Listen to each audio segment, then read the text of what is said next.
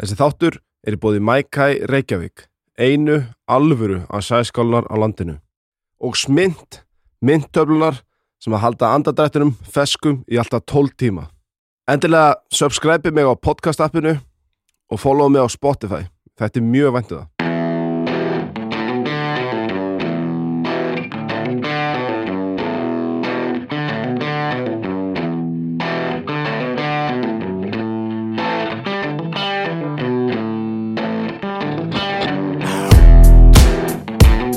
Er ég komin hérna með hugin?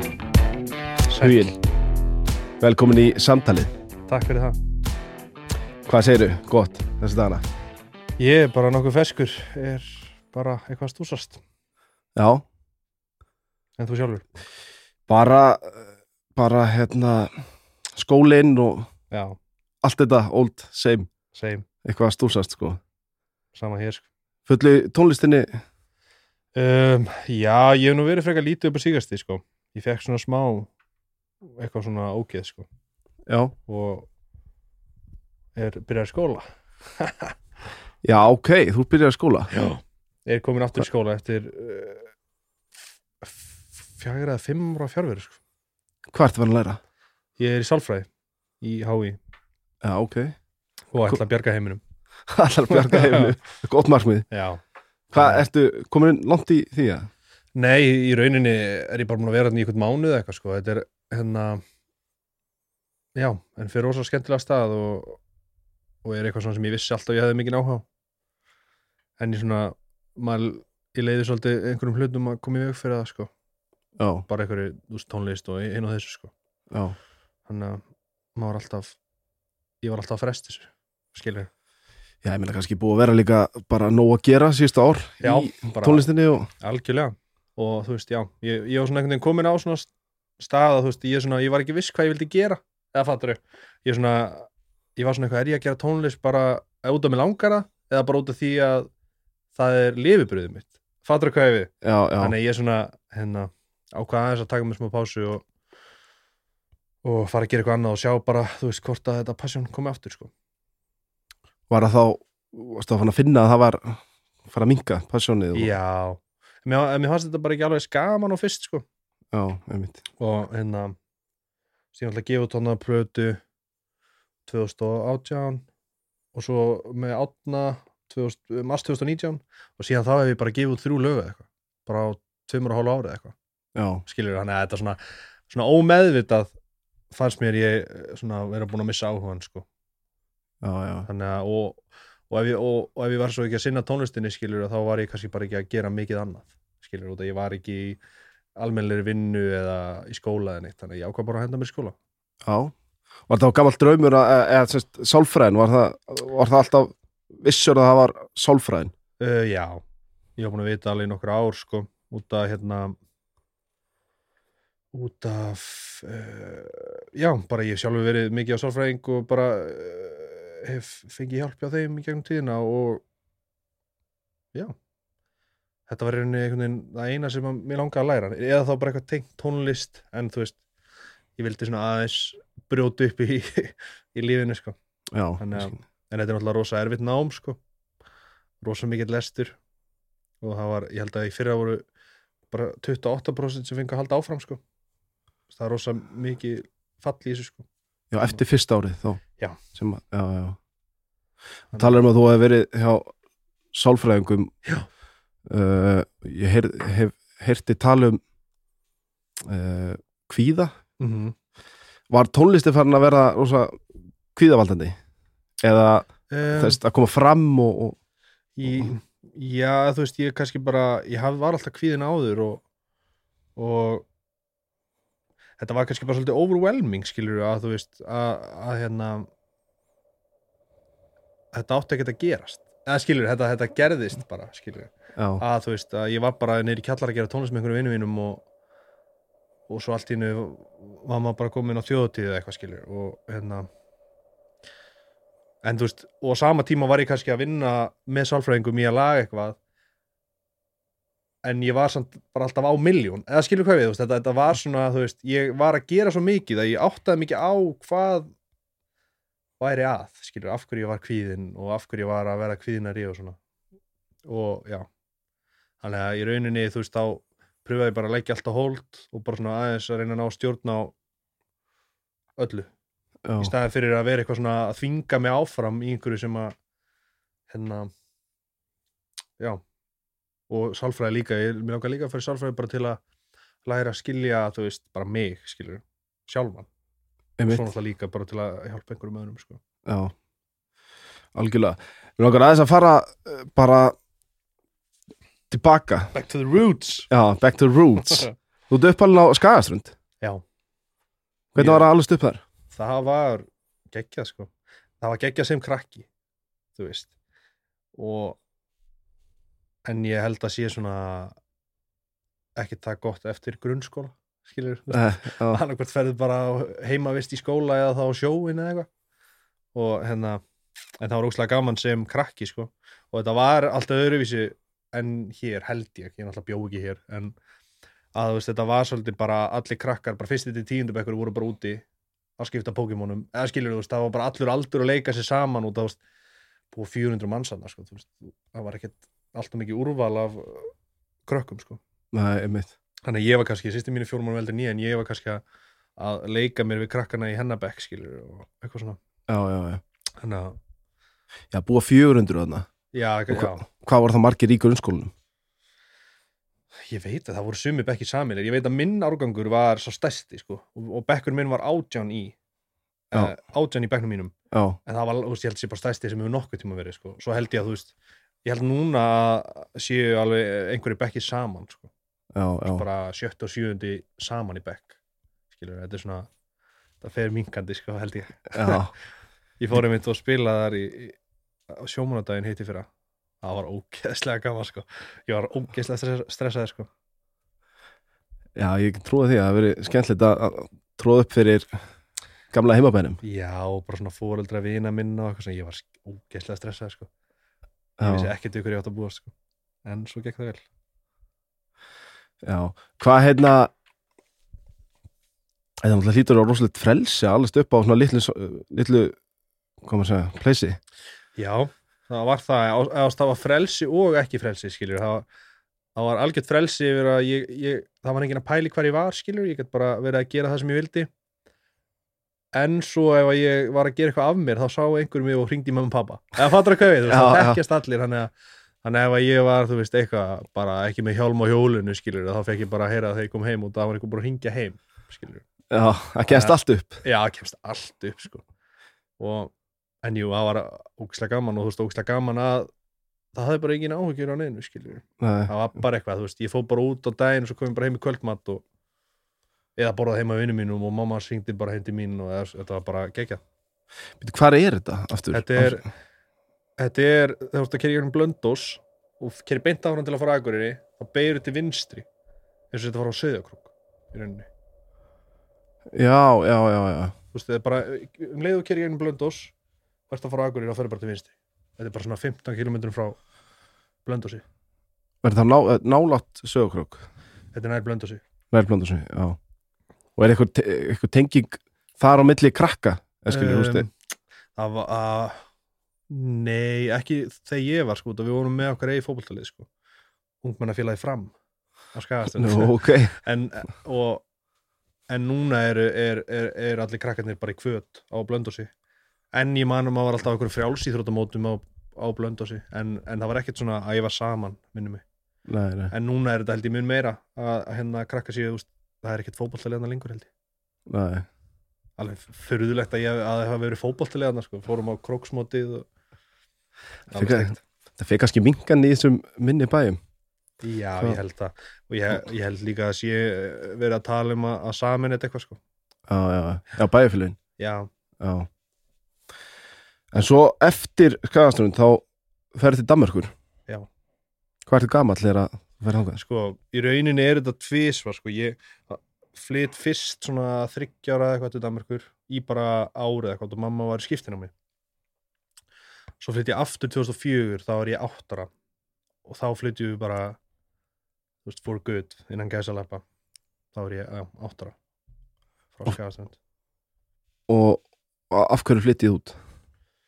um, ég veit það ekki, þú veist, ég held að mamma og pappi hafi bæðið farið í eitthvað skóla, að pappi var að læra eitthvað tónlistatengt og, og mamma hvort hún hafi verið að læra eitthvað snirtifræðing eða eitthvað svona, þannig að þetta var held ég bara eitthvað, eitthvað stemming. bara prófa, var út að prófa þú veist, við höfum náttúrulega, eins og ég segi, pröfað hann í áraður og, og já, bara eitthvað stemming, bara eitthvað tilbreyting, skilur. Ég held að það var líka eitthvað moment að sýsti mín sagði að draumurinn að vera að fara að vinna í síldinni þegar hún var í fullorinn og þá var þetta svona, já, við þurfum að koma okkur froskaðaströnd. þú veist, að all draumurinn er að fara í sjó, fiskinn, sko. er draumurinn að fann að vinna í síldin þá, já. Já. hvað hérna já, þú ert, átt ára þegar þú ferðan út Já.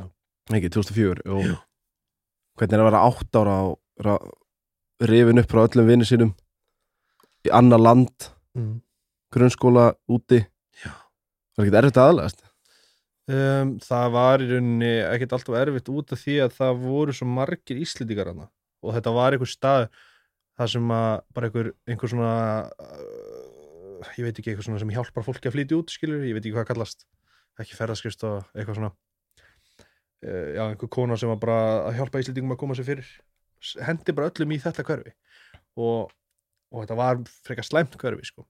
En ég byrjaði þá sérst í Íslendingabekk. Ekki samt bara með mínum aldri heldur bara öllum aldri og vorum bara öll að læra dönsku. Svo svona hægt og rólega ferðu kannski að fara í einn tíma í, í alvöru bekkiðin svo kannski tvo tíma, svo kannski heilan dag einn dag í viku, svo bara svona hægt og rólega ertu komin inn. Þannig að það var ekkert eitthvað sjúklega ég átti náttúrulega á, á eldri systir sem að var þarna líka en, en þú veist, þetta var ógislega ógislega brútal skóli sko. Eh, og svona hverfi sko. þetta var alveg Veitu hvað, þetta er í Orhús eða ekki? Jú, þetta er svona outskirts of, af Vorus, þetta er tríi Tríi, já, Já. já, já.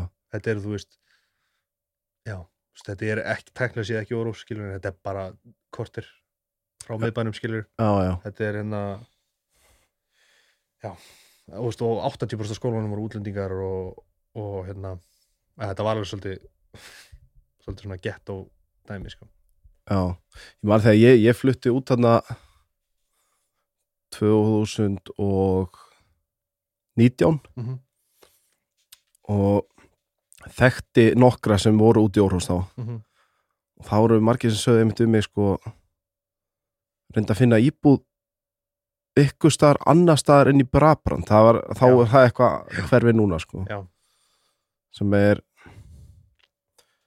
sem er víst já, svona, já, þú veist, þetta er ge- já, svona ghetto og, veist, og þetta sem, sem ég bjó var svolítið svona veist, ekki alveg eins slæmt og brabrand en þetta var svona litla brabrand skilur við, þetta var alveg skólinn var bara með vestu í Danmörku og þú veist bara alltaf verið að brjótast inn og rosa mikið slagsmálum og verið að lemja fólk og svona sko. og svona gengi innan geðsalappa skilur já, já, þannig að við, já það var bara hrú- hrúað Íslendingu þangað. Og sem kom svo svona úst, hverfið sjálft er ekkert ljótt eitthvað svona, úst, þetta er bara svona veist, það er flott hús þarna í kring og svona, sko, en svo er bara svona blokka hverfi, skilur, bara ógeðslega mikið af blokkum sem að, og, og svona já, ég held að sé svolítið mikið svona, já, það var bara rosa mikið gett og já, já. Þannig, ég- já, ég var þar í, þú veist, en ég var alveg heppið með að, þú veist, eldri sýsti mín er fjórum árum eldri en ég og hún er svona svolítið tutti, sko, þannig að stóru strákarnir voru ekkert að rugli mig, sko, og hún, hún passaði upp á það, sko. Já. Og varstu fljótur að, að eignast danska vinni þarna? Já, eða út af þú segir þú, þú fer í Íslendingabekk. Já, og ég eignast minn fyrsta vinn þar sem hann er Arnar, hann er ennþá vinnur minn í dag, ok, hann býr ennþá úti, hann flutti út á sama tíma ég. Og hann kann eða lenga íslensku lengur. Og það hann er bara búin að vera úti síðan. Og við vorum svona tveir fyrst skilur og svo hægt og rólega ferðu að hérna að svona kynnast dönunum. Og það er aðalega þú veist í náttúrulega svona frístund. Og þú veist í fótbolta í fríminútum og svona skilur þú veist þið, já bara sannaði í boltanum sko. já. Hvernig virkar þetta í Orhús eða bara í Danmörku var þetta úttalan um fótboltan mm -hmm. fer að æfa bara með AGF Orhús eða þú veist eins og Íslanda fyrir bara að æfa með hverjusliðinu Já, nei, allan ekki þarna. Þarna var ég í í liðið sem heit ST70 á þessum tíma. Og hérna ég veit ekki hvernig það er með svona ógislega ungan það er pott hægt að æfa mjög ungur með AGF en svo held ég að það sé einhver staðar síja sko, já, skilur þau er komið kannski á 10, 12 eða eitthvað. Ég get ekki ímyndað mér að sé að banna 6 ára krökkum að mæta sko, nei en sjálfsagt samt, það er síja einhver staðar sko. Já, en það er sjálfsagt fullt að liðum hann í Árhús Já, já, það er fullt að liðum. Fullt að liðum, ég var í liði sem heit ST70 sem er ekkert eitthvað svaka lið um, hérna já, og var þar í alveg nokkur ár. Svo fluttu við frá tríi og fórum til hérna stað sem heitir Bönnurup. Það var þá 2007 eða eitthvað. Það, það, það var miklu betra sko. Það var ekki svona svona hart hverju, það var bara svona sveitabær bara eins og skagastrind, maður var bara komin á skagastrind aftur. Líka við sko, það var bara komin hérna og ég, þú veist, mætt hana í hérna, í þennan bekk og ég man að, þú veist, Rasmus er vinur minn sem að ég, veist, var hjá núna og hann kom til minn, var hjá Íslandi í mánuði fyrra hjá mér og og við fórum ekkert tíma, hann sagði mér, fórum ekkert tíma að rífast. Eftir ég kom og ég sagði fuck you. Og hann var bara í sjokki því að krakkarnir hann að segja ekki svona sko. það var bara, já, þannig að þetta var svona allt öðruvísi, þú veist, þarna voru bara gaurar í joggingbuxum og, og að spila fótbolta sko, þú veist, að meðan ég mætti bara með buxunar á hælunum bara að halda þetta í sig eitthvað töffari sko og já, og þar fer ég fer ég hérna að æfa með fótboltalið sem heitir Óstrup eða byrja í lið sem heitir Gerrild og svo er, er ég fengin yfir í lið sem heitir Óstrup sem var svona innan gæsla bara stóru liðið þannig á þessu svæði. Og þú veist í Danmörku er þetta hérna er þetta svona öðruvísi system. Þú veist að það er ekki öll lið sem að mæta öllum. Og á Íslandi er bara Íslands mótið skilur og það er bara A-riðil, B-riðil, C-riðil á meðan þú veist í Danmörku er þetta A-riðil, B-riðil, C-riðil, D-riðil á þessu svæði. Þessu svæði skilur þú veist þetta er svona aðeins í úlingaflokki skilur þetta er svona aðeins öðruvísi svo miklu fleiri svo að miklu fleiri lið sko, þú veist, það er bara, bara 6 miljón manns annars skilur, þú veist, að það er ekki hægt að hafa bara já, maður bara fatta hvað þetta er ógsta lítið. Og já, og gekk rosa vel þar og hérna og já og það var þá sem að já, hvernig er þetta, 2008 eitthvað? Ég er þar og spila í nokkur ár og svo hérna og svo sem sagt er hérna AGF og, Óstrup sem að ég er í. Það er svona þú veist, í Danmark er rosa mikið svona vinaklúpir eða svona, svona skátingklúpar skilur sem að þú veist, AGF eru kannski með fullt af liðum. Og svo á sumrin þá bjóða þeir gaurum úr liðunum til að koma og spila sumarmót með þeim. Út af sumarmótin eru í rauninni æfingamót. Eða fattar þau? já, já, já, þetta er svona öfugtan á Íslandi skilur að þú veist að vorin og haustin eru Íslandsmótið og sumrin eru bara svona mót þú veist, eitthvað svona lítil mót þar sem þið farið á gistið og eruð skilur ok. Og, og hérna og þá bjó ég sér satt í hérna Bönnurup og þurfti alltaf að taka lest hérna ásamt strák sem var með mér að tókum bara lest í bara tvo klukkutíma á dag eða eitthvað, bara 14 ára til að fara á æfingar yfir sumar með hann að AGF Já, beti, þá ertu uh, sjá þeir þig eða þig og félagin á okkur móti og byrða okkur að koma að æfa eða Já, eða sko, ég, ég veit ekki alveg nákvæmlega hvernig það fyrir fram, hvort að það séu bara þjálfarinnir okkar sem að segja þeim frá eða hvort að þeir sjáu þú veist, ég man ekki alveg hvernig það var. Og, og þá en allan eru við komnir þá inn í svona hérna svona hérna eitthvað svona hópskilur sem að er að fara til Órús að æfa. Já, og hérna og kepp eitthvað svona skrítin æfingamót þú veist og já, það var ógeðslega gaman. Ógeðslega skrítið skilur og er þetta þá bara ógeðslega mikið af strákum Já. frá bara risastóru svæði í kring? já, þetta er ekki ógeðslega mikið af strákum en, en þetta eru kannski nokkur lið skilur já, að þeir, þú veist, fá ég man ekki nákvæmlega hvað það var en þú veist, Nei. þetta er, þú veist, þeir, þeir ná í einhverja stráka hér og þar setja saman í lið og láta spila móti. Og svo, þú veist, þeir sem að standa upp úr eru svo eftir sumarið fá eitthvað, ég er náttúrulega fluttur ég flutti heim þetta sumar, skilur Já, já. ég, þú veist, kannski fá þeir samning hjá AGF þá? Þetta, já, eða þú veist það var líka stráka með mér í bekk. Ég veit ekki hvernig, ég veit ekki hvernig mátti ekki skrifa undir launaðansamning nei, ég er talað kannski inn í, inn í Já, akademíuna þá? já. En eins og það var strákum með mér í bekk sem heitir Jesper hann var frá því við vorum þú veist 13 að 14 þá var hann á samning hjá Rannes í Danmarku og, og hann var alltaf bara í skólanum okkar en Rannes sendi þú veist bílstjóra að ná í hann á hverjum degi til að fara á æfingar og Rannes veist klukktum í burtu. Um, þannig að þú veist hann var ekki á neinum launum samning en hann var samt alltaf hjá þeim og þeir þurftu sem ég bara græja að hann kæmi á æfingar út af því að hann þarf að æfa hjá þeim, fattar þannig að ég kannski hefði verið þarna áfram eftir sumar þegar ég ekki sjálfur þurft að græja mér í lestina. Fattar já, já, þannig að þetta er kannski tekið svolítið alvarlega þá en eins og hann er er bara búinn að vera, ef hann er ekki, hann er bara lögga núna. Já, já, og svo, er, svo var annar strákur sem var hérna, sem var með mér í, í hérna Úrús sem heitir Jakob D-E-H-N Dín Andersson, hann, var hérna fyrirliði úlingalansliðana í Danmarku alveg upp að þú veist 20 eða eitthvað. En þú veist, svo er hann hættur núna líka. Hann var, hann var held ég á Celtic og, eitthvað, já, ok. En er bara hættur í dag. 95 mótil sko. Já, Það er ok. skrítið sko. Veist, þetta sýnir bara hvað þetta er veist, þetta er svo ógeðslega stór, hei, stór heimur skilur að, núti að þú veist að veist, menn kannski eru geggjaðir 14 ára og eru komnir á samning og eru bara basically atvinnumenn en enda svo bara þú veist bara einhverjum bumbubolta sko já, já, já, já, það er, ég meina sé hérna á Íslandi líka, það eru svona hvað maður að segja, badnastjörnur Já. sem voru geðveikir alltaf Já. en þú veist, svo náttúrulega þarft á að hausinn Já. rétt en þetta var, þetta var ógeðslega gaman og, og ég fann líka bara þú veist fann líka þú veist um, þetta tekir oss alvarlega að nóti skilur og, og þetta er mér finnst þetta að vera meira svona hérna æ, hvað segir maður svona eat or be eaten þú veist.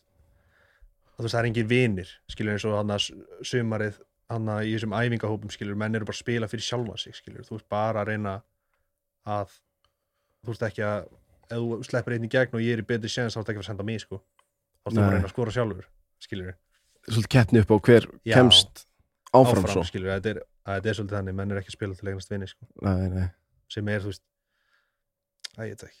Ég fíla það ekki sko. Nei. Þetta er náttúrulega kannski bara svona meiri hvað maður að segja pró hann úti. Eða þú veist, þeir, eru konur, þeir eru bara aðeins öðru í stað. Já, já, ég, En hvað hérna að alast upp hann úti, þetta er Já. náttúrulega Orhus og hann í kring, þetta er náttúrulega alveg 300 úrsmanna svæði eða eitthvað. Finnur þú mikið mun? Þess að svo kemur heim, já, finnur þú mikið mun að alast upp hér? Nei, semst, úti versus svo að koma heim? Um, já ég, ég fann aðalega mun á Íslandi hvað, ég er náttúrulega flutt í bæinn og þekkt engan í bænnum. Ég átti náttúrulega bara að vinna á Skagaströnd. Ég fann aðalega mun hvað hérna hvað allir eru svona einhvern veginn að pæla í öðrum hérna á Íslandi og og, á meðan, og, og hvað er öfugt úti skilur að þú veist það er öllum alveg sama þannig séð skilur á meðan hérna heima var þú veist bara einhvern veginn já ég man bara að maður kom heim og það voru endalist einhverjum bloggsíðum mannst ekki eftir því? Jó, Hvað, Blog Central já eitthvað eitthvað. heitasta 96.blogcentral og það var alltaf verið að slúðra eða skilur eitthvað svona. Já, það fríkaði mig alveg út þegar ég flutti heim sko. Ég var bara 14 eða eitthvað þegar ég flutti heim. Ég man eftir þessu, þetta var bara ég þekkti ekki samfélagsmiðla sko. ég átti, átti ekki MySpace eða neitt sko. það var bara allir á öllu hérna þegar ég kom heim og bara með einhverja, einhverja póls á einhverjum blogg central síðum og eitthvað svona. Já, við höfum einmitt rætt þetta bara ég og félag mínir. Já, hvað sko hvað þetta er öðruvísi úti og hér Já. það er öllum sama úti um þig. Eða skilur hvað þú ert að gera? Og það er enginn að pæli nei, hvað öðrum finnst um þá allan er það mín upplifun Já. úti sko. Já, það er algjörlega þannig, finnst mér líka og þú veist, þetta er bara, bara sem dæmi, þú veist, Rasmus vinnu minn sem er bara besti vinnu minn, skilur við erum svo ógeðslega ólíkir, veist, hann er bara eðlæst gaur í heiminum. Veist, hann á Instagram, en hann er með, veist, hann er aldrei postað mynd, hann er með 16 followers, skilur hann er, hann er ekki með Facebook profilmynd, hann notar þetta aldrei, hann á, notar ekki Snapchat. Hann, hann, hann og, og, og það var líka eitthvað sem ég veist að gera upp við hjá mér, sko, það er bara svona sé bara svona, wow, þú veist, hann þarf ekki að neina þessu halda og hann er bara ekkit eðlilega hamingsamur skilur, og svo er maður sjálfur alltaf strögglast í einhverju rugli, skilur með allt einhvern veginn á milli handana eða skilur hvað við, þú veist, þetta er, Já, þetta er bara svona já, þetta er bara eitthvað viðhorf sem er á Íslandi, þú veist, og, og, og bara eitthvað tippakefni já, þetta er algjörlega, þetta er þetta er svolítið já, Paldi hvað er líka mikil gæfa bara að geta verið skýt sama. Já. Það er með 16 followers mér, veist, ég er bara að gera það sem ég er að gera sko. algjörlega. Og veist, og, og, já, og bara hafa enga þörf til að sína neitt eða gera neitt, veist, ég er bara það er draumurinn, sko. Að geta það skilur að- vera bara sáttur fattar það er svo mikið frelsi. Já, já, akkurat og þú veist og, og bara eins og hann og líka bara eins og standardin á Íslandi til dæmis fyrir ungt fólk er bara í rugglinu og, og líka bara hjá mér, skilur, ég er ekki að láta svo ég sé með allt á hreinu, sko, alls ekki. En þú veist, bara eh, svo ég tækja aftur dæmi eins og Rasmus, vinur minn, ég var í honum um daginn. Já. hann á engan vin sem á bíl. Engin að vinum hans á bíl. Ég á engan vin sem á ekki bíl Nei, skilur hann borðar aldrei úti. Hann eldar alltaf. Ég borða alltaf úti sko. þú Það er líka eins og það er eins og sé eitthvað hvað ég segja, það er eins og, er og sé eitthvað tabú að taka strætó á Íslandi líka Já. maður fær alveg svona, hvað er það fyrir strætó Já. en úti þá eru bara það eru allir í, í strætó eða léttlestinni eða hjólandi eða ég finn þetta líka bara með mig sko, veist, og ég skammast mér alveg fyrir það veist, að, að ég átti golf og seldan og ég er á, á, á milli bíla skilur, ég er að, hann er að fara að kaupa með bíl og ég er þá að, fekk bíl á hann hjá mömmu. Og er bara einhver vinnubíl, bara einhver jeppa drusla. Ég skammast mér að láta sjá mig á honum skilur, og ég skammast mín fyrir að skammast mín fyrir að láta sjá mig á við? já, já, að ég átta alveg á þessu. Veist að þetta er rámt og mér finnst ég alltaf þurfa að afsaka bara já, æ, þú veist ég er bara með hann í láni, sko, veist, ég er bara á milli bíla. Við, veist, það er svo astalegt, sko. Og, og veist, þetta er eitthvað sem mér langar að komast yfir. Er, er þetta materialistic kjaftaði, skilur er að að ég þurfi ekki að eiga alltaf nýjasta og heitasta og, og, og svona dæmi að, og þú veist já eins og þeir eru mæti í skólan skilur ég sé ekki að leggja 2 km frá skólanum og lappa í skólan gerir það, núna? Nei, ekki, nei, alls ekki en þú veist, ég er ekkert að leggja fyrir framann ingangin sko, Nei, nei, þú veist, og ég skammast mér fyrir að segja það, en þú veist, en mér finnst samt ákveð skrifa að segja það, sko, já, já. Að þú veist, ég svona er þetta bara. Þetta er bara, þetta er eitthvað samfélag sem er búið að búa til hérna. Já, þetta er bara allt, þetta er bara svona dómhart og, og mér finnst fólk hérna en svo er þetta kannski líka bara eitthvað manni, skilur svo kannski er enginn að pæli. Það Nei, svo, já, veist, svo getur það, svo getur það Já. verið sko. En mér finnst þetta ógislega áhugavert hérna, þú veist, svona topic að pæli, sko, er, að, er þessi, þessi munur á, á auðvitað áttaði mig á því að í Danmörku eru líka einhverjir áhrifavaldar og eitthvað lið sem að, þú veist eh, pælir í svona hlutum. En þú veist, mér finnst bara mun meira um bara eitthvað svona þú veist að bara fólk er bara býr í eins herbyggja íbúð og leiða tveir saman og bara stofan er eitt herbyggi, svefnherbyggi, eitt herbyggi búa bara saman. Mér finnst maður ekki sjá mikið af þessu hérna á Íslandi sko. fólk svona, mér finnst fólk ekki tilbúið að kompromæsa en það er kannski líka bara út af því að fólk býr heima þangar til það er þú veist, orðið vel fullorðið. Á meðan þú veist, út af því að allir fara kannski í skóla í Orhús eða Köpen en á Íslandi þú veist, búa bara allir hérna í Reykjavík skilur já, þannig að þú veist, það er ógeðslega skrítið að, að byrja í, í háskóla tvítur og, og flytja heiman. Þú veist, þegar fóreldra þú kallar að flytja bara fimm mínútur frá fóreldra skilur já, meika kannski ekki alveg sens hérna. Nei, en þú veist, á meðan þarna þurfa þau, þú veist, bara eins og bönnur upp, Þú veist, það er engin háskóla þar og það er Órus er bara næsta já, Mér finnst þetta ógislega áhugaverð svona pæling á, af hverju þetta er sko.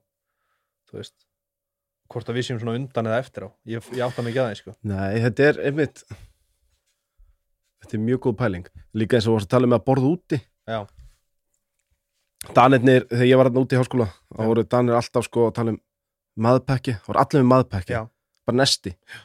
Þú veist, það er bara, bara fáralegt að fara og fá sér eitthvað að borða. Já. nei, ég bara býmið til nesti Já. og kemur það í hátinu bara mista fucking net. Mista fucking töff. Að geta það, skilur, ég er ógislega liður í þessu og ég er svona að reyna sem að taka mig saman og, og gera eitthvað svona, þú veist, en gengur aldrei til lengdar. Ég var að kaupa mér airfryer í ger Airfryer, hvað er það? það er, það er svona tæki til að, hefur ekki séð svona það er svona, svona skúffa sem setur í. Og setur inn og svona loft sem að steikir þetta eitthvað, ég, veit ekki alveg hvað technical dæmi er. Þetta er ógislega sniðut þetta er það sem að Býtu, hvað notar þetta í? elda kjúkling, elda sætar, elda allt. Já, já, það bara já. setja þetta inn, stilla ykkur tíma og, og eitthvað, svo bara ready. Hefur ekki séð þetta? Nei, ég verður ekki segja það. Þetta er alveg snild Hljómar eh, þægilegt. Já, ég ætlaði að fara að kaupa hérna örbylgjöf í Elkvækjar og hérna og, og enda á að kaupa örbylgjöfn og airfryer og hrísgrjóna pott þannig að ég ætla að reyna að fara að elda mér. Já, ég ránaði með þið ég er alltaf að setja mér einhver svona markmið sko. svo tekst þetta aldrei. Það er alltaf bara út að borða. Ég myndi að hvað þetta spara líka mikið pening að ná að komast upp á lagi með þetta. Já. Ég er svona aðeins Ok, ég kannski er ekki aðeins en ég var svona hægt og rólega að fara að ná morgumatnum heima sko, eða þú veist, eða taka með mér í, í skólan Þú veist, þá var ég bara að setja þú veist, grist jógurt eða bara hleðslu og hafra eða eitthvað. Svona aðeins stóttin á vagninum þar Það er svolítið í hámunni bara. Að kaupa eitthvað. En þú veist, þetta er, þetta er eitthvað sem ég vil venja mig af sko. Þetta er eitthvað svona, svona ónauðsynlegir hérna, ónauðsynlega eðsla að, að þú veist, í staðin fyrir að fara og kaupa með kjúklingabringu á 2500 alltaf get ég keitt mér fjórar á 1500 skilur já matur líka, þú veist, þú ferð ekkert út að borða í hátinu og svo sé þú, yfir tvö skall Já, svo má líka alveg ræða það sko, hvað þetta er bara búið að hækkum 50 kallar mánuði bara í 7 ár. Já, no joke. Bara, mér finnst bara allt vera að hækka nema laun Já. eða þau kannski að hækka, ég veit það ekki. Já, ég held nú reyndar að þessu er búin að hækka Þú veist, ég bara, Svolítið. síðan ég byrjaði á sálfræðing bara hérna fyrir þrem ára með tíminn búin að fara á 17 upp í 19.500 Já, og síðan maður byrjaði að taka í vörina og fór íslenska nefndópusdósan úr 400 krónum upp í 3 og 5 eða eitthvað. Hann er allt búið að rjúka upp í verðið hérna. Já, það er bara kjaftaði sko. Já. Þannig að það þarf að, að hérna reyna að spara eitthvað staðar. Já. Ég hætti, ég hætti að taka í vörina Ertu, hætti því? Já, hætti bara öllu nýgutin það Já, vel gert, 5 mánuðir, clean vel gert, vel gert Var ekki búið að spara mikið? Jú, ég var endur alltaf einhverju samstörum og eitthvað svona. Já, já, ég En þú veist, ég er búin að spara mikið andlega Já Já, Það er það það góðu sigur sko. Ég held ég myndi aldrei ná þessu það er vel gert sko Ég fekk bara, það var bara eitthvað sem ég fekk bara ógið sko. Já, já Það var bara einn daginn, ég var bara svona, nú ætla ég að hætta þessu Ég hef aldrei fengið það. Var þetta bara einn dag, hættur bara, nú er ég hættur og hefur ekki, Já, ég hérna Ég nota ís, nei, ég nota hérna uh, Nikotin tyggjó í svona viku. Bara eitthvað uh, þrjú, fjóru dag og Já. svo hætti ég bara alveg. En þetta var ógislega veit sko, en ég er góð núna sko. Já. Öll lungu farin? Sé ekki öll, ég held hún fara aldrei alveg. Nei, nei, en mér, já, svona stundum á mótnana þegar maður er að fá sér orkudrykk, langum sem að ég vera hana já, já, ég skilji Herði Tónlistin. Og aðeins að aðeins að fara yfir hana mm -hmm. Sko ég ég man, man hérna man eftir bara svona aðeins úr úr fjölni bara í svona per gegnum samilega vini Já. og ég hef ekki hugmynd um að þú værir eitthvað í tónlist eða gera eitthvað svo leiðis Nei. Vastu varstu í tónlist bara frá unga aldri eða hefur þetta alltaf verið blundað í þér eða? Já, ég var alltaf eitthvað sko, ég hef verið að að skrifa alveg lengi. Ég var svo mikill M&M aðdóndi þegar ég var yngri og hérna bara, bara sjúkur í hans og svo man ég að í Danmörku að ég er rosa mikið af minningum og ég, og ég fann um daginn svona hérna svona notebook um uh, það sem ég var að skrifa plötur á dönsku. Bara eitthvað algjört kæftæði og búin að skrifa einhver svona skits. Maður þess að M&M var alltaf með svona milli laga svona hann og okkur vinur að tala saman eitthvað og búin að skrifa það. Og svo var ég í, í dæmi sem að hétt hérna, ég var skráður í svona tónlistaskóla og í svona dæmi sem hétt R&B Boys. Þar sem að ég og einhverju dúttar vorum að hérna ásamt, þú veist, fullunum kennara vorum að endurskrifa hérna eh, einhverju danska slagara með okkar eigin texta og, feng, og komum fram hérna bjó, þú bjóst í Órós eða ekki? Jú. Við sko hvað Vauxhall er Vauxhall, við sko hvað Aros er já, safnið. já, já, og þú veist, niður götuna þar er svona tónlistarús Já. Vauxhall, við spilum þar og Aros er hér og svo er svona hotninu sem heitir Rauðahúsið eða eitthvað svona steinbygging við spilum það líka, allana já, ok og það var ókslega gaman svo fluttum maður heim og það voru bara ég held áfram að skrifa eitthvað úti skilur svo fluttum maður heim og það voru bara allir svo þú veist, dómharðir eitthvað skilur að maður bara þorði þess ekki. Og, og þú veist, það var alltaf eitthvað skortur á einhverju sjálfstyrsti og eitthvað og, og hérna, og svo var maður alltaf bara eitthvað í fótbolta og bla bla bla. Og svo var maður svona alltaf eitthvað aðeins farin að hérna gera takta og svona. Maður var alltaf svona að blunda við þetta. Við langaði alltaf svona aðeins. Já, varst að, varst að í, já, semja tónlist líka semst, takta og svoleiðis? Uh, já, ekki mjög góða en, Nei, en samt takta. Já. en bara heima hjá mér, skil, ég var ekkert að segja henni frá því og, og skrifaði og, og, og, og var mjög oft, veist, að finna takt á YouTube og, og rappa yfir þá en aldrei verið framann skilju og en samt alveg kannski einhverja vinni mína. Já, já, og hérna svo byrjaði ég að vinna á hérna Café Paris og þar kynist ég strák sem heitir Ími. Ok. Hérna Ími Rúnarsson heitir hann og við vorum búin að vinna saman eitthvað lengi og svo er Stefan Karl. Hann gaf út lag Já, sem að ég man ekki alveg hvað heitir þarna. Ég heyri byssu skot bang bang, maður stæði því? Já, já, þá var ég bara eitthvað, tjóður þetta fucking gott lag. Og, og ég er eitthvað svona kemur vinnun eitthvað og Ímir er eitthvað er að tjekka á þessu lagi? Og já hérna Stefán Karl hann bara eitthvað, já veist að ég er Y-Run ég bara nei. Bara Y-Run pródúserinn skilur já, já. bara nei. Bara, jú, ég er Y-Run, búin að þekkja hann í árið eitthvað. Ég bara nei, þú veist ekki Y-Run bara jú, Y fyrir Ímir og Run fyrir Rúnarsson.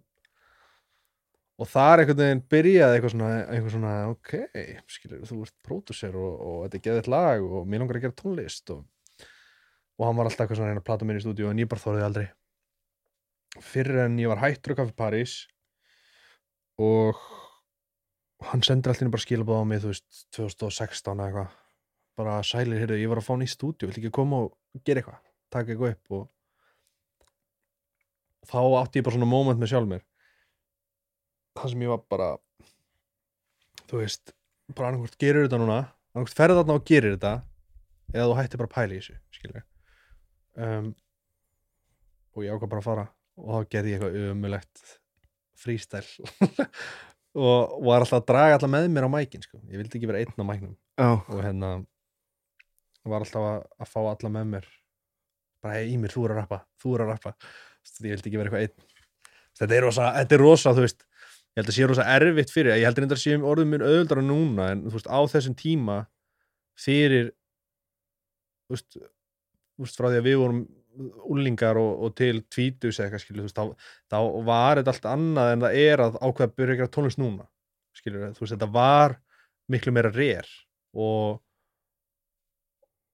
og svona ekki eins samþygt finnst mér, þú veist, í minningunni. Það var ekki svona eins samþygt að að pröfa að gera tónlist, það var ekki samþygt að vera góður en þú veist, ég var ekkert góður fyrst skilur þannig að en já, ég mun alltaf vera þakkláttur í mig því að veist, hann reyfi mig í, í þetta og peppaði mig alltaf skilur, og hann var bara áður en hann heyrði mér appa þá var hann bara og hann hafði voru minna kaffi Paris að reyna að fá mig til að gera tónlist og vissi að ég vildi það og var bara eitthvað svona hafði trúið mér, sem að einhverja trúið mér sem ég hafði ekki sjálfur skilur Vissi hann þá að þú var, hafðir verið eitthvað úti eða hvernig, Nei, og bara búin að spjalla við hann þá? Já, ég held bara hann að við vorum alltaf bara góði vini líka skilur ég held bara hann hafi bara haft einhverja, einhverja trúið mér skilur Já, og haldið að ég geti komið með eitthvað sniðut eða eitthvað, ég veit það ekki. Ég held við höfum ekkert almennilega rætt hvað það var sko. nei, þetta bara gerist og já. Kom þetta frístæl út eitthvað tíman? Nei, Nei en sko samt sko geði mér einn, fyrsta lagi sem ég gef út. Já, það er bara, ég fór í stúdíu í mig gerði þetta freestyle gerði eitthvað tvö bull lög, veist, með öðrum gaurum í mig og Becca og einhverjum svo var geði mér eitt bara fyrsta lagi sem ég gerði bara sjálfur. Og það kom út. Þannig að það er bara fyrsta lagi sem ég geri. Geði mér eitt, geð mér einn, já, já. Það Og- kemur út 2017, eða ekki? jú, Já. ég var mjög trefur að gefa út sko. Ég var ég, já, ég var alveg bara meirinn ára að gefa það út sko. Hvernig var ít á publistakkan? Varst búin að hugsta lengi? Já, sko, máli var að á þessum tíma þá, þá var ég, þú veist hann að Aron Már, Aron Móla Já, hann var, hérna, ég var búin að vera mjög mikið í stúdíunum í bæ sem hann var í og við vorum orðinir góðu vinnir og, og ég svona, mér langar svo að gera myndband. Og ég fæ hann til að, hérna gera það og, þú veist, og við erum náttúrulega bara báði vitum ekkert hvað við erum að gera, skilur, ég bara er að gera eitthvað tónlist, hann er að gera eitthvað myndband. Svo við gerum tvö myndband við þetta og það fyrsta bara feilaði. Og hérna og þannig að við settum þetta svolítið fallega upp og ég var líka búin að ákveða sko að ég ætla að klára stúdendin áður en ég myndi gefa tónlist, skilur það var bara svona markmið hjá mér. Já, ok. Og þannig að sérst, daginn þegar ég er að útskjöða sem stúdent upp í hörpu þá áinni fyrir upp í hörpu þá kem ég við hjá Aronum á við publishum vídeo á YouTube og ég fyrir upp í hörpu og útskjöðast og meðan er ég bara alltaf að tjekka í síman bara hvað er að gera skilur þannig að lagi kemur út bara um háti þegar ég er að útskjöðast um háti í hörpunni. Og svo held ég bara útskjöðavisli heima á mér og já, ógslag fallegu dagur Þetta verður alvöru dagur. Já, Gefur út fyrsta lagið, þá var stúdendinn útskjöða sem stúdent sko. það var huge sko. Sko. Það hefur verið alvöru partí það kvöld. Það var það sko. Það var, og Júli og fleiri félagar mættu þær í stuði sko. Skal trúa því, Já. það er líka alltaf í stuð já, Svo kemur Hvað er árið setna, svo kemur platan 2018, eini strákur. Já. Ég gef hann út tvö lög á milli og svo júli 2018 kemur hvort það sé sjötta júli kemur út hérna platan einu strákur sem að hafi verið þú veist ég gaf út gemrið svo gaf ég út lægið einu strákur ef þú mást þetta því, með Helga Sæmundi. Já, já, þess að þú, einmitt, þú rappar þar að þessu dönsku. Já, og, og ég þú veist, ég, ég gaf út gemrið og það fekk fínar viðtökur skilur, en þú veist já, bara svona skemmtilegar þetta var bara svona smá svona underground lag og svo kemur eini strákur og mér finnst ennþá og fannst eini strákur bara að vera geðveitt lag. Ég man bara þegar ég gerði eini strákur lagið, ég var bara þetta er besta lag allra tíma, þú veist, ég mun aldrei gera neitt betra en þetta. Og hérna og ég gef það út og ég hérna og þá fæ ég, þú veist, fínar viðtökur aftur. En þú veist, ekki eitthvað svona til að þú veist, ég var kannski farin að fá einhvern smá pening skilur fyrir að gera tónlist en ekkert svaka. Veist, ég til dæmis, ég, ég fann fyrsta, ég með fyrsta reikningin sem ég sendi verið tónlist heima inn í ramma, þú veist, það er eitthvað þú veist það er áðuníkja út geðum reyt sko.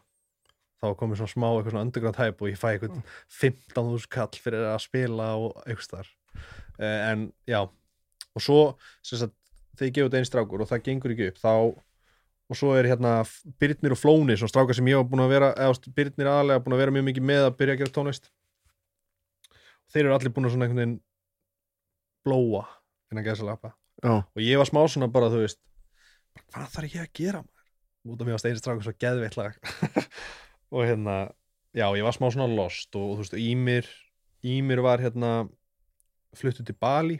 Já, og var bara að gera tónlist þar og ég var svona smá lost, veist, ég var svona smá pró, þú veist, ég var bara ekki orðið nógu örugum með mig til að geta fara að hitta hvaða pródusir sem er, skilur út af það þarf ákveði kemistri og svona, veist, til að opna já, já.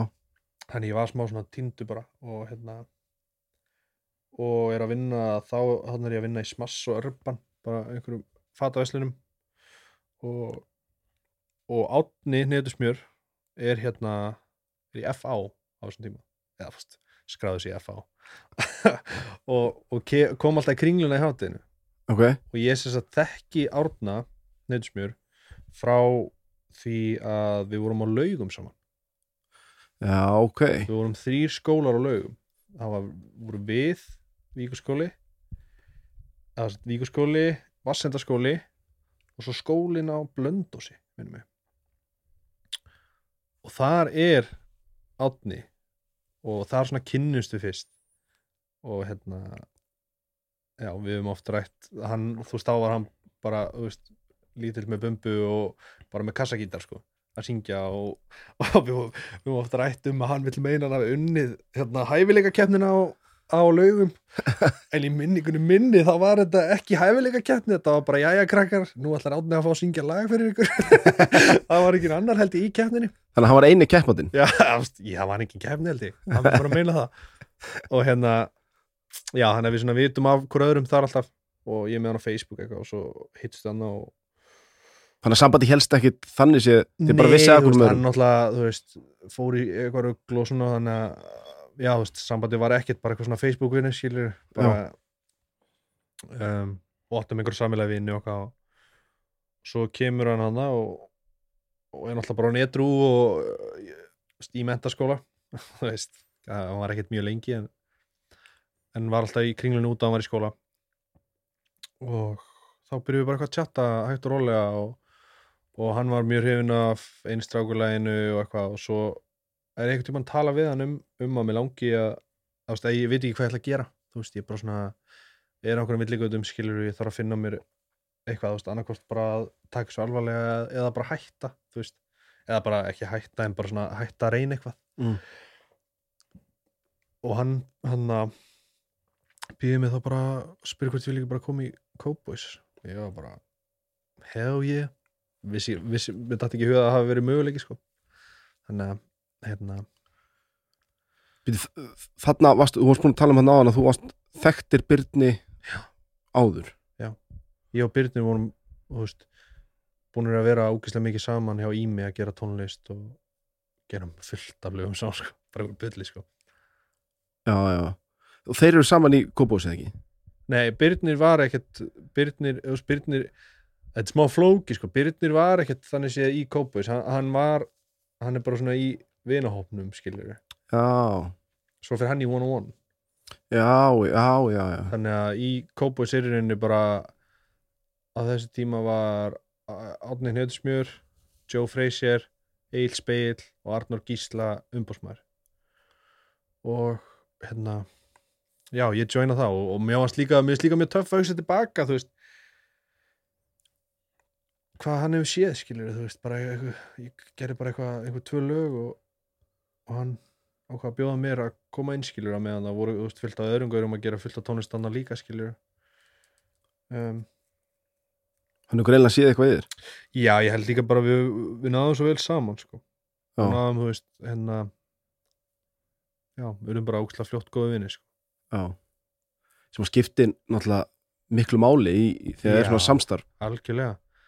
Það er bara annað meikar ekki sens. Ef, þið finnst ekki gaman að vera með manneskjunni þá bara, þetta er bara svo verið sambandi.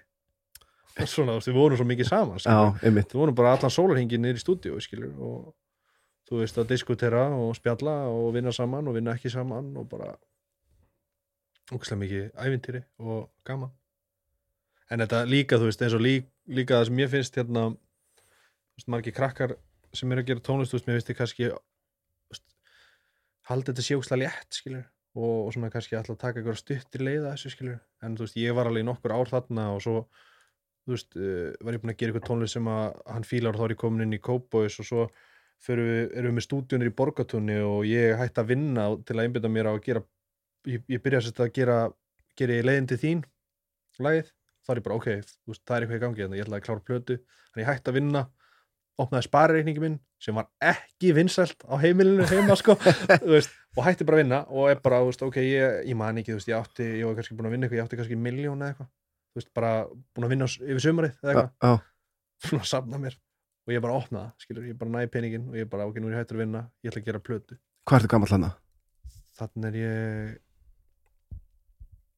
20, 21 eða eitthvað já, þú veist, bý heima hjá mömmu, skilur opna sparreikningin og hann sparir reikningin og hérna, mamma, mamma sér kannski ekki alveg að, þetta væri nei. besta hugmyndin. Það var ekki góð stemming heima á tímabili sko.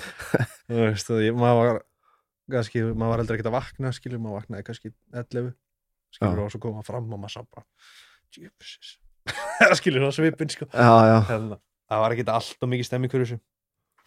En eitt, eitt besta moment sem að ég hef átt var þegar ég mér fannst ég að hafa unni mömmu yfir sko. það var þegar ég gátt plötuna og hún kom á prikið á útgáfapartíð mitt daginn eftir. Og ég man bara að það var eitthvað svona moment sem við áttum eftir á sem ég var svona já, ég held að hann að hugsa svona bara, vá, ég er kannski ég er kannski bara honum smá gömul.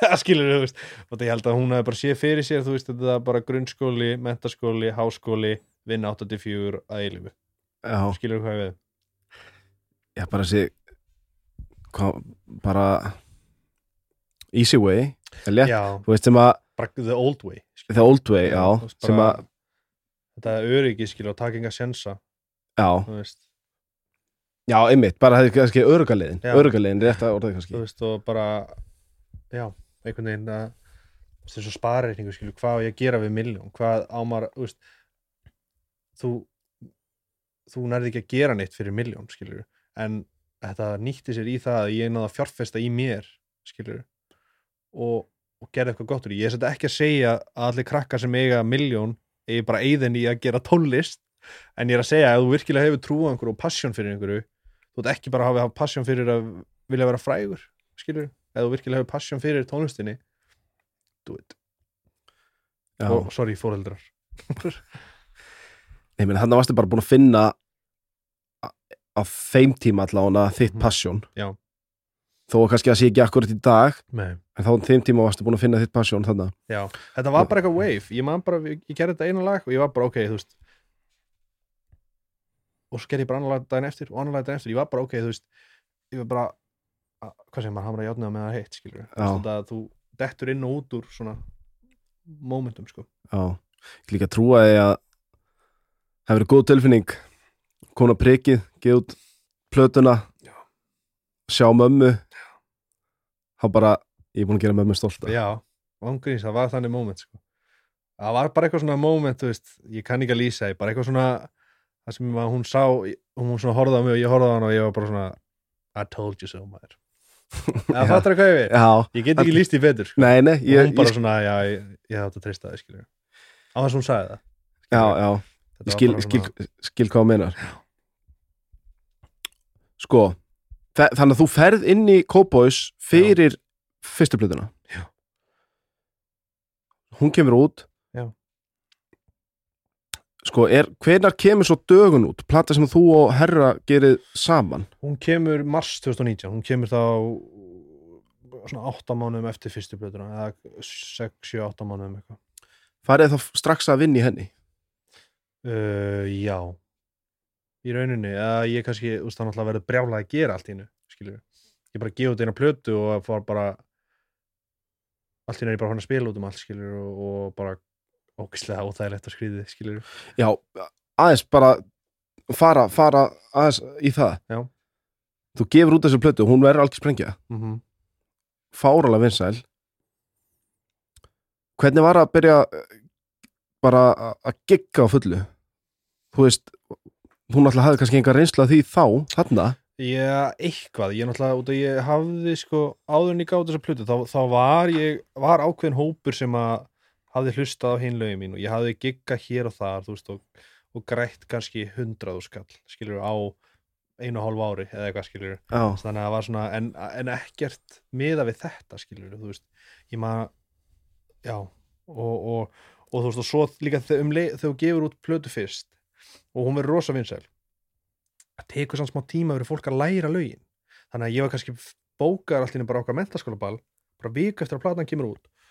Og þú veist, og ég svona kann mig ekki alveg skilur, ég er svona hálf stífur veist, ég svona er ennþá að læra og kannski fólki kann ekki öll lögin. En svo mann ég bara að það var eitt moment að sem ég bara svona what the fuck skilur, og, og ég fæ ennþá bara ég verð ángurist bara meira pæli það var 2018 Oktoberfest. Það er, ég man ekki hvort það hafi verið mánuð eða einum og hálfum eða eitthvað tveim eftir í gátt plötuna. Og ég hefði giggað hér og þar og allt innum komið með eitthvað pening og, og, og svona skilur og, og hérna en samt, þú veist, ekkert gigg hafi verið eitthvað svona bara sjúlað, skilur og ég var fokki stressaður fyrir hana Oktoberfest. Og svo mann ég bara, ég fer upp á svið og ég byrja að taka hetjan held ég Mm. og bara fucking syngja allir með. Og, og hérna og þetta, já þetta var bara svona moment þar sem að ég var bara ég kom nýra á sviðin eftir og ég var bara hvað er að fucking gerast, bara hvað var þetta? Og ég var vídeo af þessu sko þegar átnið fyrir aftan sviði og ég er upp á svið að syngja og hann er að taka upp og ég er að láta fólk syngja með skil, og maður heyri hún bara segja yes! Og þetta var, veist, þetta var bara svo mikið fucking sigur ég fóð bara neyru sviðin eftir og ég var bara, hvað var að fucking gerast? Bara, ég var bara þetta er bara ennþá upp á skikið mitt ever, sko. Óttúbefest 2018 Já. Já. Vá, ég skal trúa því maður. Já, þetta var bara já, þú veist, ég var bara upp á sviði bara með gæs og ég var bara, hvað er að gerast hérna? Út af þá hafði ég átt að mig á, á því svona, út af þú veist, þegar þú gefur út svona plötu þú áttar ekkert á því almennilega hvað þetta er stórt eða hversu margir hlusta þetta en þú ert bara inn í ykkur tjaldi, bara mörg þúsund manns er að syngja lögin, skilur, það ert bara fyrsta skipti. Þá var ég, ég var bara, hvað er að gerast? Það fattar eru bara Ok, þetta er, þetta er stærri en ég held skilur, fólk er að fíla þetta. Og bara, þú veist, og náttúrulega bara tilfinningin er öðruvísi en ég held og allt, skilur. Að þú veist þú veist aldrei hvernig þú mynd bregðast við þessu, skilur, þegar þetta gerist. Þetta er ekki þetta Vá, ég skal trúa því maður. Hvernig er tilfinningin að fara á svið? Hvernig liður fyrir gig? Er þetta stress eða spenning? Það er misjátt, sko, veist og, og það er líka annar punktur, veist, með það sem mér langar, þú veist, að laga mér er, er svona ójafvægi, skilur í, í svona líðan, skilur, að stundum fór ég bara og var bara ekkert stressaður, bara ro rockaði þetta, fór heim en stundum, snýrist bara allir dagar um þetta, skilur, og ég var bara kvíða, ég var búið til kvíða í mér, ég bara svona, ó, ég er frá að gigi kvöld, þú veist, ég var að passa röddina, ég var að drekka vatn, svona, ó, ó, wow er ég er ég farin að, er ég hann þurr í hálsinu ég var að fá mér, ó, er ég að missa röddina? Ég var farin að búa til svona fattaru, þannig ég var kannski bara orðin kvefar um kvöldið, bara út af því að ég var bara fara að pæla allt og mikið og, og svona, þú veist, svolítið svona að hugsa hluti into existence, skiljur og, og hérna og svo náttúrulega líka það að þú veist, út af því að ég er náttúrulega ekki lærður söngvari að þá kannski kann ég ekki að beita röddinni rétt. Ég kann að beita henni þannig að hún hljómar vel skilur, en það kannski er ekki rétt að leiðin. Þannig ég er kannski að, að, að nota röddina á vittlisann hátt. Sem lætur mig klárana frekar. Og ég var kannski svolítið í því að í loka lögunum og stá öskra ég skilur bara þegar droppi kemur okkur svona þá var ég kannski að klára röddina. En ég átti kannski þrjú gig eftir. Fattar hvað ég við? sama kvöld. Og, og hérna það hafðist alltaf, skilur, en þú veist þetta, þetta er bara svona áhyggjur sem að ég bjóð til á mér bara, oh my god, ef þetta gerist ef þetta gerist, ef ég klára röddina ef að, þú veist, þetta er bara kvíði, skilur bara eitthvað stress, en svo Já. stundum var ég þú veist, líka oft sem að ég þú veist, kannski átti 15. fyrsta laugardag kannski 10 gig eða eitthvað. Þú veist, þá kannski fyrstu þrjú gigin eða eitthvað, stressaður, svo er restin bara easy peasy, þú veist, að ég já, þú, þá ertu svona okkar, ég er með þetta. Svo kemur mánudagur, þriðudagur, miðvikudagur svo svona, oh fuck, kannski er ég ekki með þetta núna svo tekur ég gigið, ah, jú, ok, ég er með þetta þá getur þú restina. Make a sense, þetta er eins og fyrsta touchi í fótballtaleik já, já, þú veist, stressaður, svo nærir fyrstu sendingunni og þá ertu bara fín svo kemur næsti leikur þá ertu aftur hann á fyrstu sendingunni að nú missi stressið, skilur já, já, já, þetta meikar alveg sens Ég meina á þess að, þú veist, ég hef aldrei giggað en, nei, nei, nei, en, en ég get alveg ímyndum að það þegar að þú er komin upp á svið, Já. byrjaður sérf krátið, Já. Þá kannski svona Já, þú veist, það er líka algjörlega það sem ég þóldi ekki að ég, að ég var að mikla svo mikið fyrir mér bara búið til stress, búið til þetta. Allir dagarnir snýrist um þetta, ég þurfti að borða vel ég þarf að drekka nú á vatni, oh my god ég er að fá með te, ég er honum þurr í hálsinum. Eitthvað lala svo bara oh my god, ég er backstage, bara "Ó, ég verð að fá vatni ég verð að gera þetta, verð að lala svo stýð ég bara að skrifa upp á svið og byrja, og bara allt hverjur og ég er ekkert stressaður. Veist, þannig er ég bara að stressa mig fyrir því að ég verði stressaður já, en svo verði ég ekki stressaður. Fattar hvað ég við? Þú ert fann að vera stressaði fyrir því að vera stressaði, Já. einmitt. En svo, svo fer ég upp á svið og ég er ekki stressaður. Þá var ég búin að vera að stressa mig allan daginn fyrir að vera stressaður en ég verð ekki stressaður. Þetta er þú veist, alveg fárálegt sko. þetta er bara svona er svona hugsunarmistur skilur, sem að ég, Já, maður það bara að brjóta á sér út úr sko. en, ég, en ég held samt þú veist, að það sé ekkert eins hjá öllum. Alls ekki, þú veist, ég veit að Átni er alltaf öðru sem ég með þetta skilur, veist, hann bara pælir í gigginu bara þegar það er tímyndriða skilur á meðan hjá mér jafnvel var ég bara fann á mánuði bara shit, ég er að fara að gigga á fimmtudaginn skilur bara heimskulegt. Er þetta er þetta ein af ástæðan fyrir að þú ert í smá pásu núna? Já, eða, þetta er bara svona samasafni á þessu öllu skilur, þetta er, þetta er hérna þetta er rosa erfitt andlega uh, þreytandi skilur engin rútína þannig skilur, þú veist, ég, ég átti rosalega erfitt með þú veist, mánudaga skilur, að ég vaknaði á mánudegi, ég var kannski ekki búin að plana neitt session og og ég var bara heima og þú veist, það er bara mesta vonleysi sem ég upplega sko. þú veist, það er bara mánudagurinn ég vakna bara 11 allir vinir mínir í vinnunni eða skóla og ég hef ekkert að gera fattar það hvað við? Já, bara já, þetta er mér og ekkit, sé að skrópa ekkit plan. Ekkert plan, þið líður eins og þú sért ekki að gera neitt. Já. bara eins og piece of shit sko. Og þú veist, og þetta hljóma alltaf eins og svo mikil draumur bara þú veist, við bara sofa hvernig sem er og vakna hvernig sem er. Það bara hendar ekkert öllum og þú veist, það eru sumir sem eru geggjaðir í því og, og ég var það í smá tíma.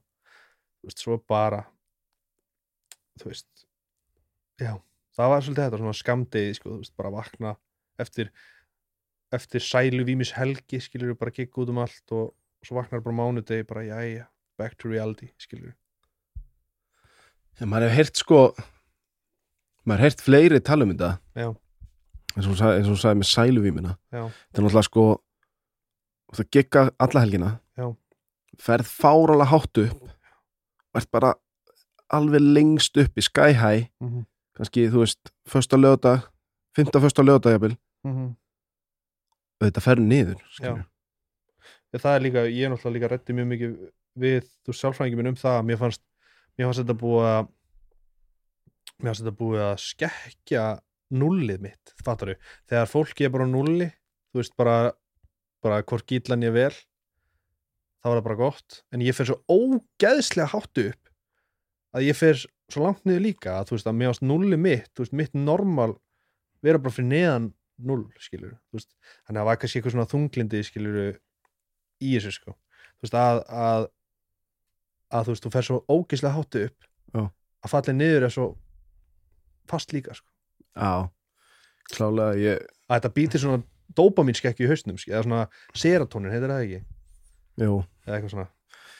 Já, ég var mjög mikið að pæla þessu tímbili já, þegar maður var svona, maður var bara glaðasti maður í heimi um helgar og, og þreyttasti maður í heimi á virkum skilur þetta er ekki, ég get alveg índir mér, þetta er ekki gott til lengdar. Nei, en, þetta er, en, en svo er þetta líka bara náttúrulega einstaklismyndi, skilur sumi bara þræfa í þessu, Já, sumi finnst þetta geggja og sumi kannski bara ná að halda á einhvern jafnvægi, skilur, en ég er bara þú veist ég var bara ekki þú veist, nógu Rútínukall. vel undirbúin, skilur þú veist, fyrir þetta, já, já. Þú veist að ég var bara svona já. Megar að sens Já, alveg klálega sko. Okay. Ég bara get alveg alveg tengt við þetta sko.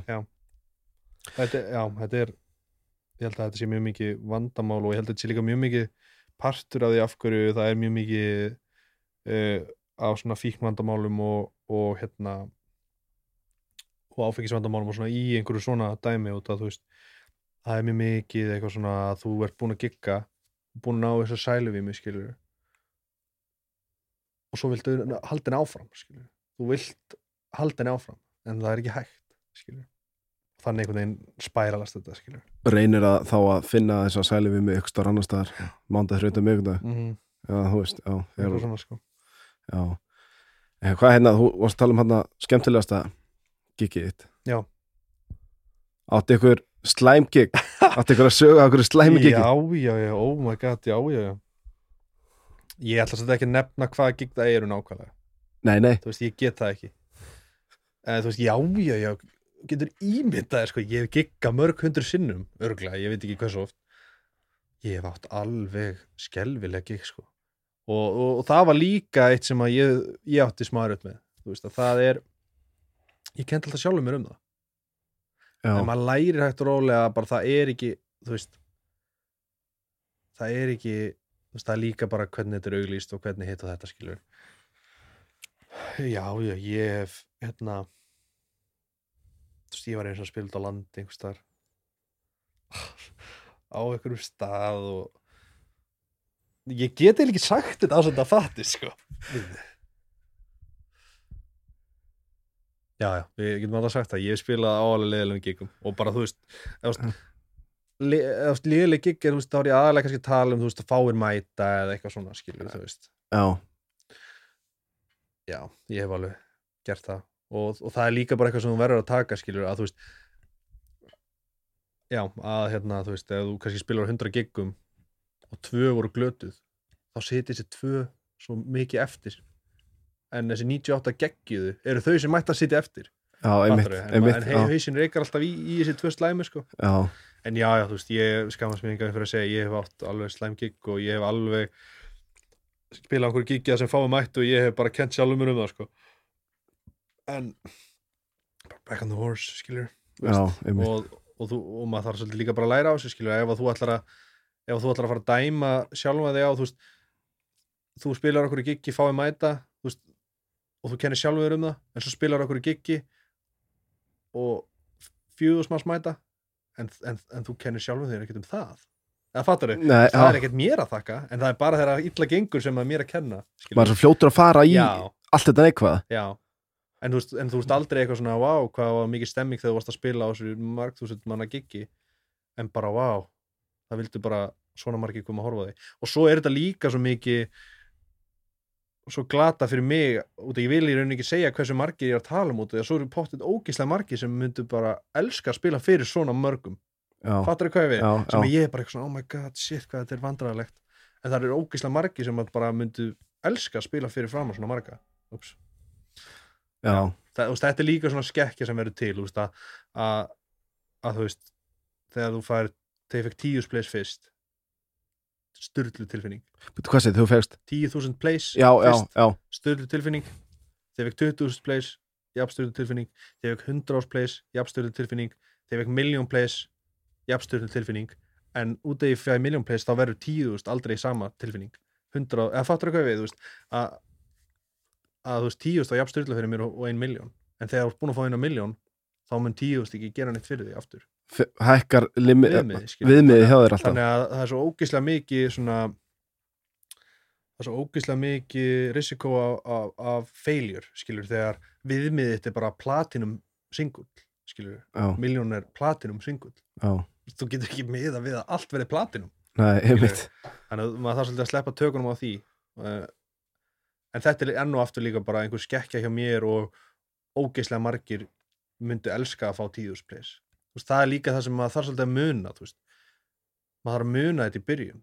Veist, af þetta er orðið svo styrluð styrlar tölur þegar þetta er orðið svona stort og að þú veist fólk fær túsund plays og er bara geðvitt sátt skilur já, og, maður þarf svolítið að átta sig á því skilur, að þú veist, þú færð kannski einu hálfa miljón á eitt lag og færð kannski 100 ást á næsta lag og það er allt í lagi. Vá, þetta hljómaði svo ógislega auðvitað er það allt í lagi. En, já, æ þú, nei, þú kannski að tala um bara, þú veist út af því að viðmiði er orðið svo hátt já, að þá kannski þegar þú fær 100.000 plays á eitthvað lag Já.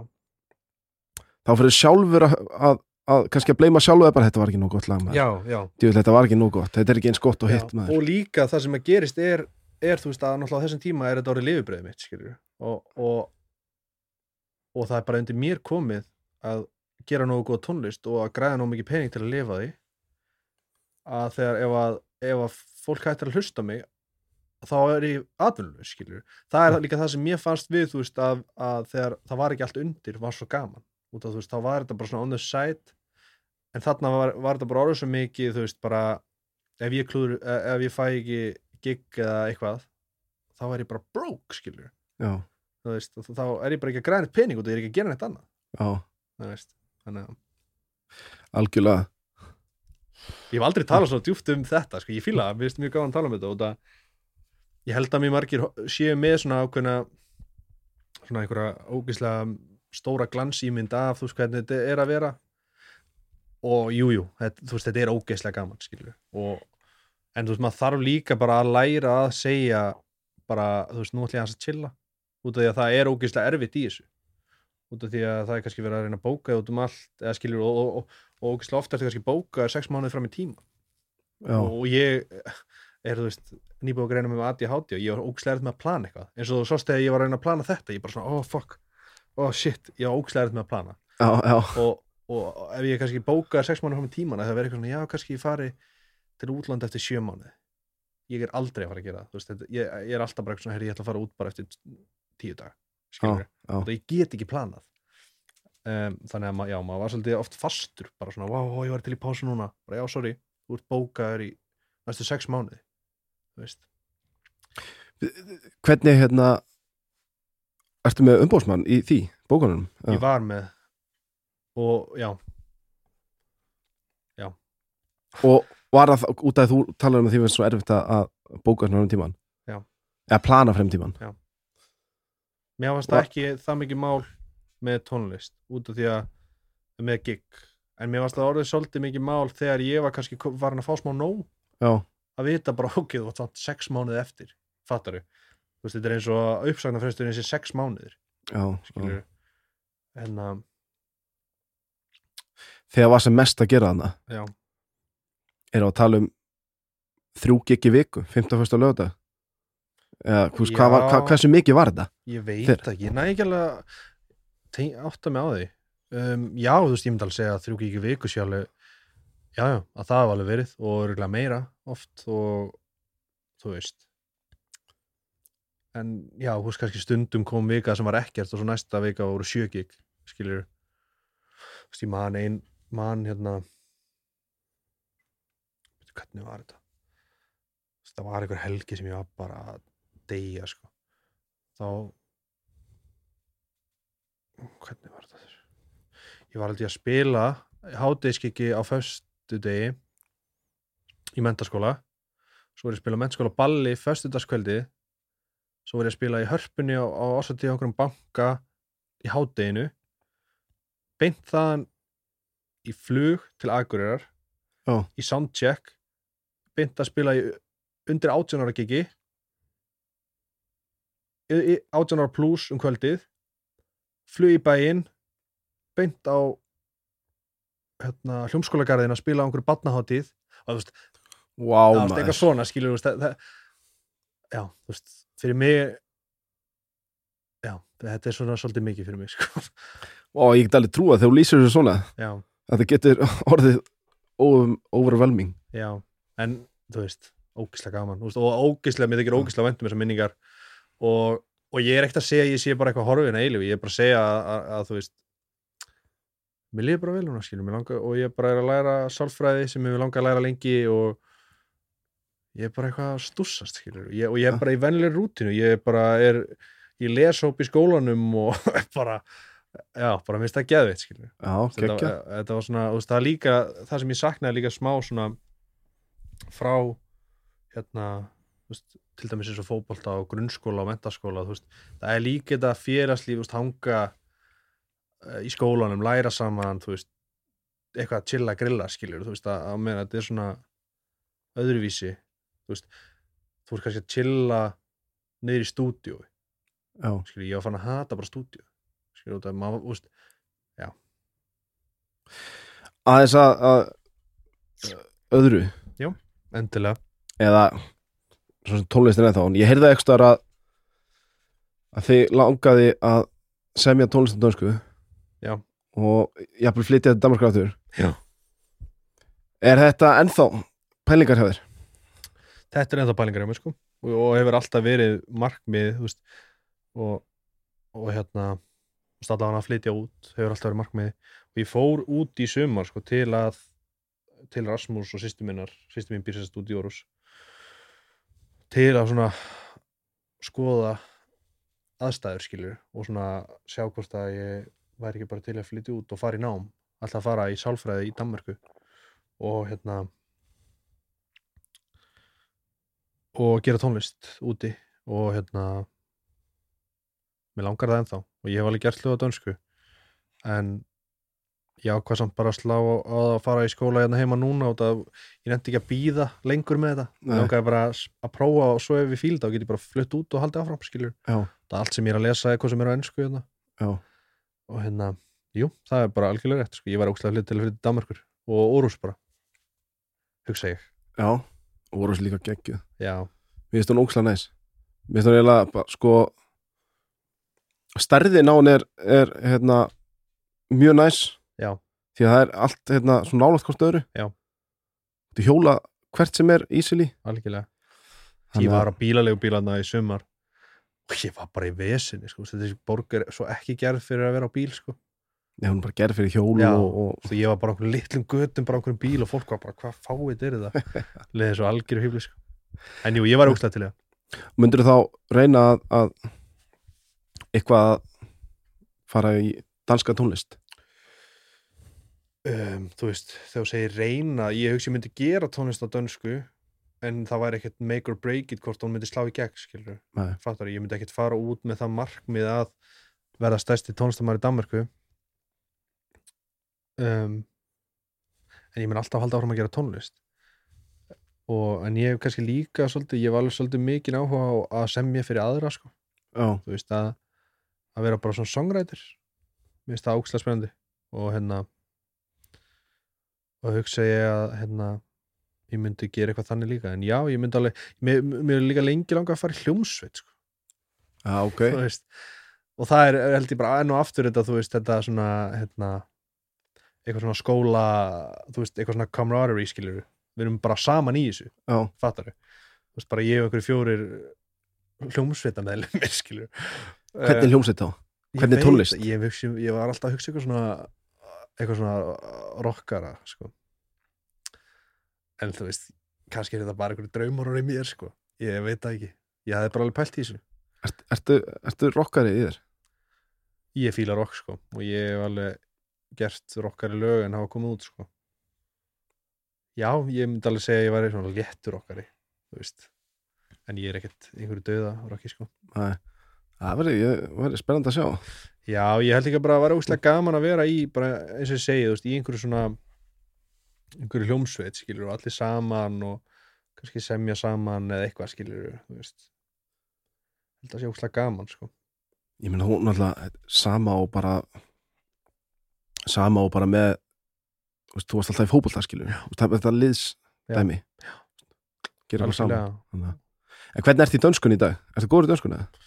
Já, ég, þú veist, ég er alveg riðgæður þegar ég fyrir út, en þú veist, það tekur mig nokkra daga bara svona að ná mér aftur, þú veist, út að ég er kannski, ég er svona í dönsku núna og ég, eins og ég var í íslensku þegar ég flutti heim, Já, þú veist, út að íslenska er náttúrulega bara aðalmálum mitt núna, danska var það bara, úps, bara eða alltaf grunnskólagangunum mína og þú veist, ég er farin að, að þú veist, ég flutti heim, þá kannski setti ég íslenska setningar upp eins og það var dönsku, já, þú já, veist, eins og íslensku segir hvað segiru, en ef þú segir dönsku veð síru, það þýðir bara hvað er það að segja? Fattur hvað ég við? Þannig að það tekur mér bara svona nokkra daga til að í rauninni bara vinna upp sjálfströst til að tala dönsku sko. Svona almennlegt, auðvitað tala ég við vini mín og svona skilur En þú ert alveg, út alveg með dönskun nógu, vel til þess að geta að byrja að semja dönsku. já, ég myndi alveg segja það sko. Já, geggja ég skal, e, e, ég skal sína þér eitthvað hérna eftir. Já, tökum eitthvað þeir eru búin að slöka á þessu. Algjörlega. En herðu, bara naða þessi í, í lokin. Mm -hmm. Hver eru markmiðin og hvað sérðu eftir fimm ár?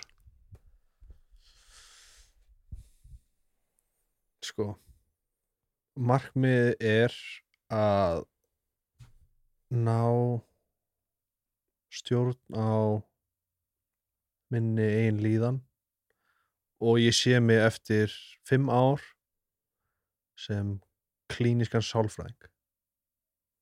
Geggja. Geggja, jafnvel með minni ein stofu það væri geðvitt hljóma vel. Hljóma vel, ég held að það sé fría tíma.